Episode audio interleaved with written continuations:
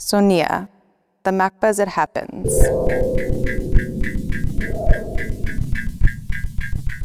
Having lived in New York for over 30 years, Bob Nickas has had an insider's view of vibrant cultural movements such as punk and no wave.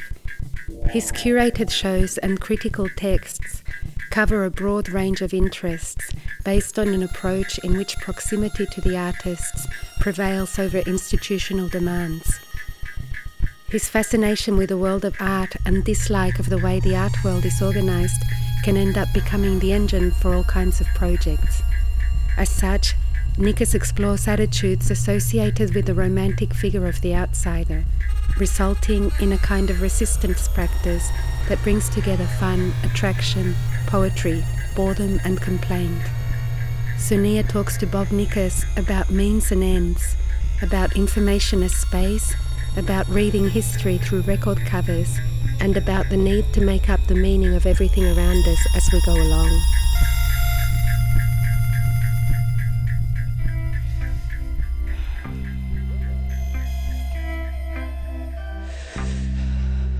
It's clear to me that showing artworks, you know, often having them in your hands and, you know, putting them up on the wall, sometimes participate in the, the hanging of them, you move them, even like opening crates, you're physically touching them and so on.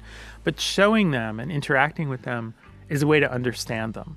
And writing is a way to understand them. You know, some people do one and some people do the other. And for me to write about artworks and show artworks is somehow to be hands on and sort of mind on. And it's really a process for me to understand what they are and what they're doing, and then what I can do with them.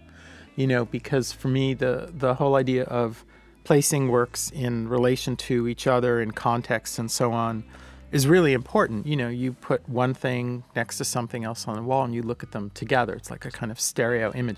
Or you put three things on the wall and you go from one to another to another and back, and something can happen in that triangulation. And that interests me. And I think it always leads to something else. You know, I'm not interested in like a means to an end. I mean, I also used to say, and I can still say, I don't need to know what a work is about to show it because I'm in the middle of that process. You know, I'll tell you later. And I'm not disturbed by that. You know, I can be involved with an artist for years and be very close to what they do and somehow feel like I haven't gone very deeply, but I'm not concerned about it because I understand it's going to unfold over time. You know, there are artists I work with sometimes longer than the galleries that have worked with them. So, you know, I have relationships with artists that go 15, 20, 25, more than 25 years. What's related, I think, is developing a kind of philosophy that's uh, like a defense mechanism. In other words, if so many things bother me and everything about the art world, in quotes, bothers me, I had to find a way to keep it, to hold it back. And so lately, I say, and I go to art school, so it's good to talk to younger people. And I say that everyone is somehow so accepting of what's called the art world. And we know it's not a world, right? But it's a very common acceptance. And I realize that the art world is basically the market, it's basically the world of buying and selling. The art world isn't really the world of studios and people making art and people being seriously involved in it, writing about it, and so or spending their whole lives around it, and not, let's say, being rewarded financially in any great way. Why would you do something for 30 years and make a little bit of money year after year? You have to make a real distinction that the what's called the art world is something, let's say, all the way over here on the one side, and on the other side or all around is what I would call the world of art.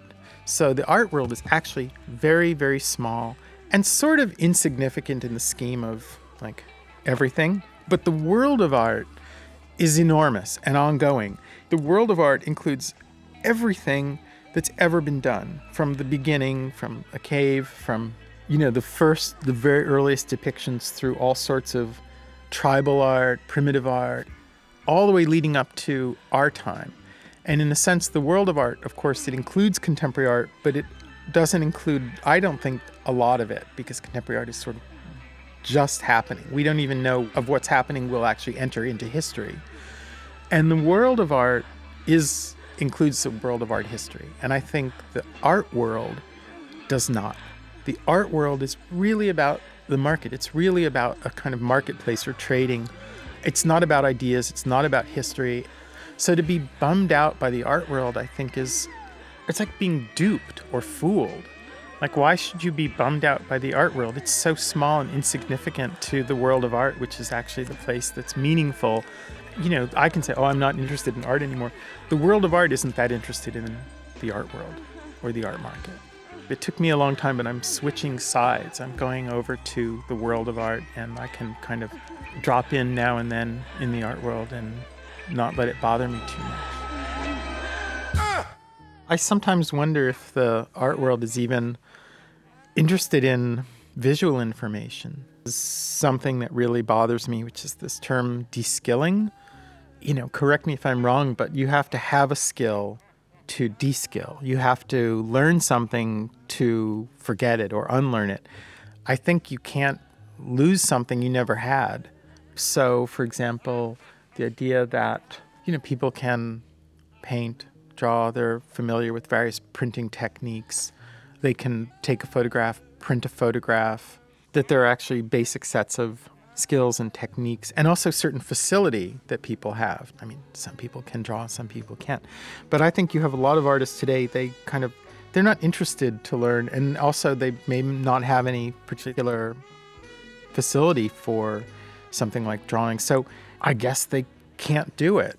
But it's different to say I won't do it and say I can't do it or I've unlearned it when I never knew it to begin with. I mean, it sounds very reactionary. And of course, I'm bringing it up tonight because, in the context of a conference about punk, you know, people can say there were a lot of bands who had people who didn't know how to play their instruments. Well, you know, basic rock and roll doesn't really take a lot of training. You're not playing in a symphony orchestra. But also, a lot of people in bands, and I knew a lot of people in bands at that time, they did know how to play their instruments. And you could say, too, that a person who doesn't know how to play an instrument but might be able to write a tune or have something to say and then write the song lyric or something. But if you have nothing to say and you don't know how to play an instrument, that you know, there were a lot of mediocre, bad, horrible bands at the time of punk. And some of those bands only lasted a month, a few weeks. They never put out a record. But that created part of the energy too. I think the problem in art is these people go to art school, they don't learn how to do anything, and they don't come out and be artists for a week or a month and never put out. No, they're around for years. They have many shows. They end up on the cover of a magazine. They're in, it's very insulting. It's very insulting. But I think that's also something you're supposed to do when you get older, which has become more turned off and curmudgeonly and all those things. But I started out that way. That's what we were saying before. I was against everything from the beginning, you know, against museums and the gallery system and collectors. The whole art world thing in New York bugged me. So, in a way, I think it was good to start off like I was starting off at like 25, the way you're supposed to be at 60, which is why I'm, I think I'm still around. I think that in information, Instagram and kind of very instant visual material being put out in the world quickly and consumed instantly and so on, I think that's totally enabling a kind of publicity machine.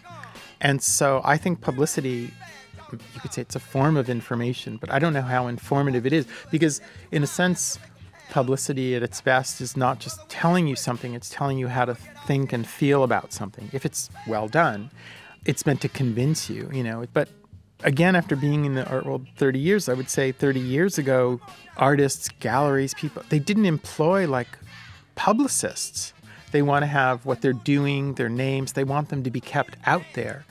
So the idea now that people would be collectors or even art dealer, whoever would be Instagramming events and images and things like that, they're basically providing free publicity. And I don't necessarily want to be part of something like being used in the way that I will be out there working for whoever for free and being kind of duped into being part of this free publicity machine.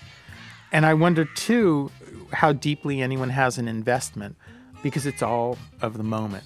You know, it doesn't seem to have any real breadth or depth. And that, I think, relates to this idea of information as space because information, the way we see it today, which is very condensed, it's very tight, it's very quick. You know, I even understand that lines have to be a certain width because people are mostly looking, they're not even looking on computer screens now, they're looking on their phones. So it really can only be about an inch wide. It's an inch. But then it's an endless scroll. It's like the uh, ultimate scroll that just goes on and on and on. I mean, I see, for example, they've sat right in front of me, you know, collectors, and they have their phones out. And you mention an artist, and they put the name in, and images start coming up. And then they take their finger and they're just like whipping their finger across the screen, and all these images are just going by. And I can't imagine that their eyes and their brains are so sponge like and retentive that they're actually seeing these things and processing what they're seeing. Their finger is just sliding them by very quickly. It's really, I don't know what that liberates anyone from. I'm against it. Collection Diary, it's a book that documents a year where I bought artworks, and the original idea was, and I, I honestly don't know where the idea came from. I really don't know. I think that's true too. Once you start doing something, it doesn't matter where it came from. But I had the idea to buy one work each month for one year. So I would end up with 12 artworks by 12 artists.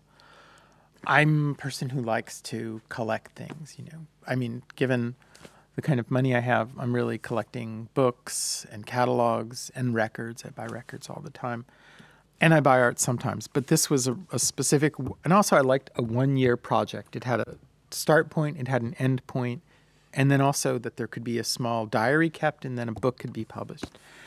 As I started, I realized that I couldn't contain myself to just one work each month throughout the year. I said, okay, it'll be one artist. So I can buy any number of works by that artist that month. And then the next month, I moved on to the next artist. And then, of course, the idea was also to show everything at the end, which I did. I showed everything at PS1. What I found is that I was kind of involved in the same sort of bad behavior of collectors. Like if I saw something I really wanted to have it, I had, and you know, I can do what collectors do too, which is you go three days before the show opens and the works aren't installed and the artist is there and they're laying around and you can choose. You don't, by the time the show opens, it's kind of too late. So I was beating uh, collectors to artworks and being very competitive in that way. In other words, if I wanted to collect regularly, I would have to do what a lot of people do, which is now and then sell something. And that's another way of insulting people because you realize if a collector buys an artwork by artist A and sells it and makes a profit, and they take that money and they go and buy an artwork by artist B, they didn't pay for the artwork by artist B. Artist A paid for the work by artist B. So it's another form of using art and artists. I actually think that buying art is uh, is good a good motivator to work. I'm going to go out and do something. I'm going to earn the money, and then I can buy the art. And also, I think it's kind of a lifetime thing. You know, building a library, it's like your brain. Why would you not want to build it? And why would you stop building it? Or why would you sell it, right? Now we gathered here on the universe at this time, this particular time, to listen to the 36 black notes of the piano. There's 36 black notes and 52 white notes. We don't mean to eliminate nothing, but we're going to just hear the black notes at this time, if you don't mind. Blackness. B L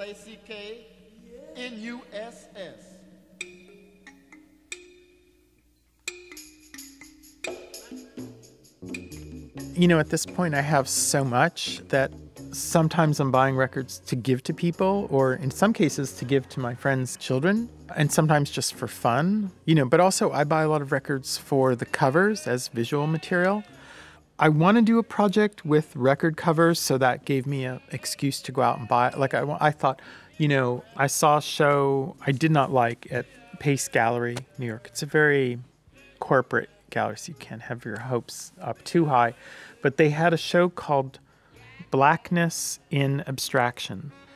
And there were a lot of artists of color, but there were also artists who weren't of color. But all of the artworks, except for one, were black. You know, a black monochrome, a black painting, a black cube, a black this, a black that. You know, and I felt that a lot of, I mean, mostly the art did not have real content. And if you think about what's going on in America today, you really want to have art with content. You want it to be saying something. You don't want it to just be a black painting hanging on the wall, even if it's a great painting. So then I thought maybe the way to deal with this idea of blackness is through the covers of records. And I thought to do that from, let's say, early 60s and civil rights through to the beginning of like hip hop, early hip hop rap. And that somehow within those 12 inch squares, you could tell a story over all that time that creates this bigger portrait. And I also thought to title it Blacknuss, B L A C K N U S S, which is the term of the jazz composer Roland Kirk, Rahsaan Roland Kirk. He has a great record called Blacknuss. I also liked that it was just one word and that people would see it as spelled wrong, or it seems to be wrong. And you know, I have already a lot of those records in my collection, but then I started going out really searching for things. And it's kind of mind blowing. I think there's things that have been done on record covers. And keep in mind, too, that I would say from around mid to late 60s, a lot of the musicians, bands, they had a very strong say in what the artwork would be on the cover of the record. You know, prior to that, it would be some person in the art department at the record company. So it's part of the story, too, where people began to say, I'm going to create my image. I'm not going to be have someone do it for me. I'm not going to be a caricature. I'm not going to be you know, so it's kind of related also to all the things that are going on in music in terms of statements. I just saw on the plane over, I saw the documentary about James Brown. Of course, you know, the big song in that period is Say It Loud, I'm Black, I'm Proud. And I think that, you know, when you start to look at even like on the level of humor, what people were doing with their album covers, like Funkadelic and so on, uh, and, and as political statements, like just reissued one of their best records called America Eats Its Young, which I think is really interesting in relation to Black Lives Matter and so on. So there's a whole story that can be told, and the telling, the visualizing it, is often by the musicians themselves wanting that image to be on the cover. It can be told in record covers, and maybe better than turning artworks into illustrations. In St. Louis, there was a the day of the Beyonce concert was a funeral for a very ultra conservative woman named Phyllis Schlafly. I don't know if anyone would know who that is here. But she became famous. She was like the anti feminist and a super conservative Republican. And her, she's, her big claim to fame is that in the 70s, she effectively led a campaign to defeat the Equal Rights Amendment. That you know it was the first time that there was really a push to have equal rights for women. And she really believed that a woman's place was in the home.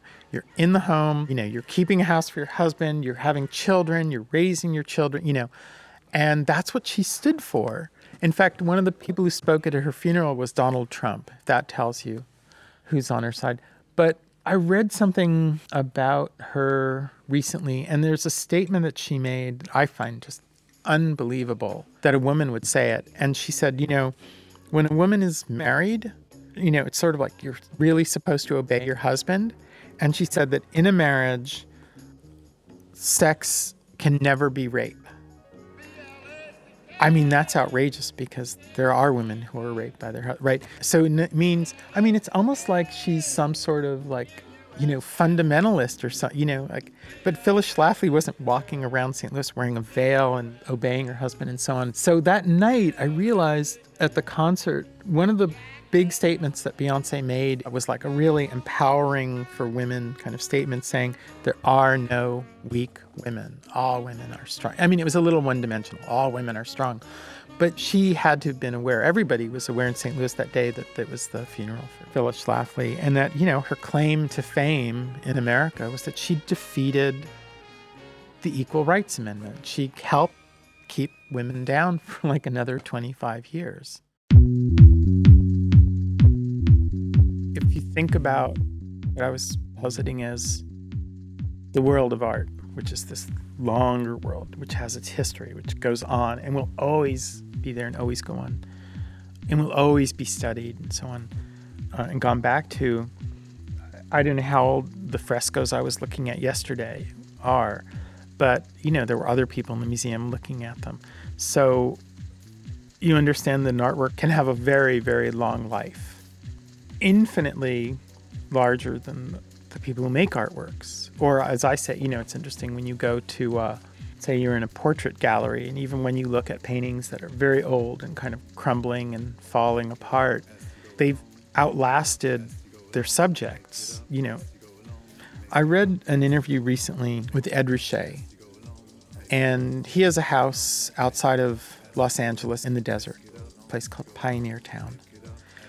There are places where you can go and stand and you look out and you look all the way out across the horizon and you just see the desert, you see the mountains, you see the sky, and you don't see a car, you don't see a person, you don't see a sign, you don't see a house. And he was talking about how he sometimes plays music from, let's say, the 1940s. So he's playing music from the 1940s. It's whatever year it is, but it doesn't matter because he's just looking out at the sky, the mountains, the desert. He doesn't see a car, he doesn't see a person. And for a minute, he thinks, or at a certain point, he looks out and he thinks, Where am I? You know, what year is this? And it's really interesting because that music kind of makes the desert, which has no signs of today, of now, it's just landscape. And it's a very particular landscape. It's very minimal, it's very barren.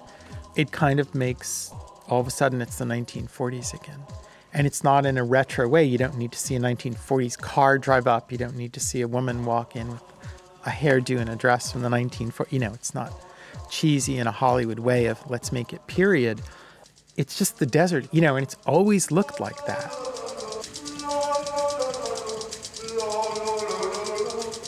One of the songs that I gave you a link to, and I'd asked you if you knew, uh, Wolfgang Tillmans is now making music, and it's really good is have you heard this song? It's called Make It Up As You Go Along. And I sent him a note, you know, told him I had heard it and I liked it and I bought the record. But I said it in a way it's my theme song or it's like from that time. You could say post punk, punk, post punk, which is you have to make it up as you go along. It's a self inventing situation that has to build on itself. And making it up as you go along, it does relate to that idea of affront or artifice or, you know, yeah, that you do it yourself.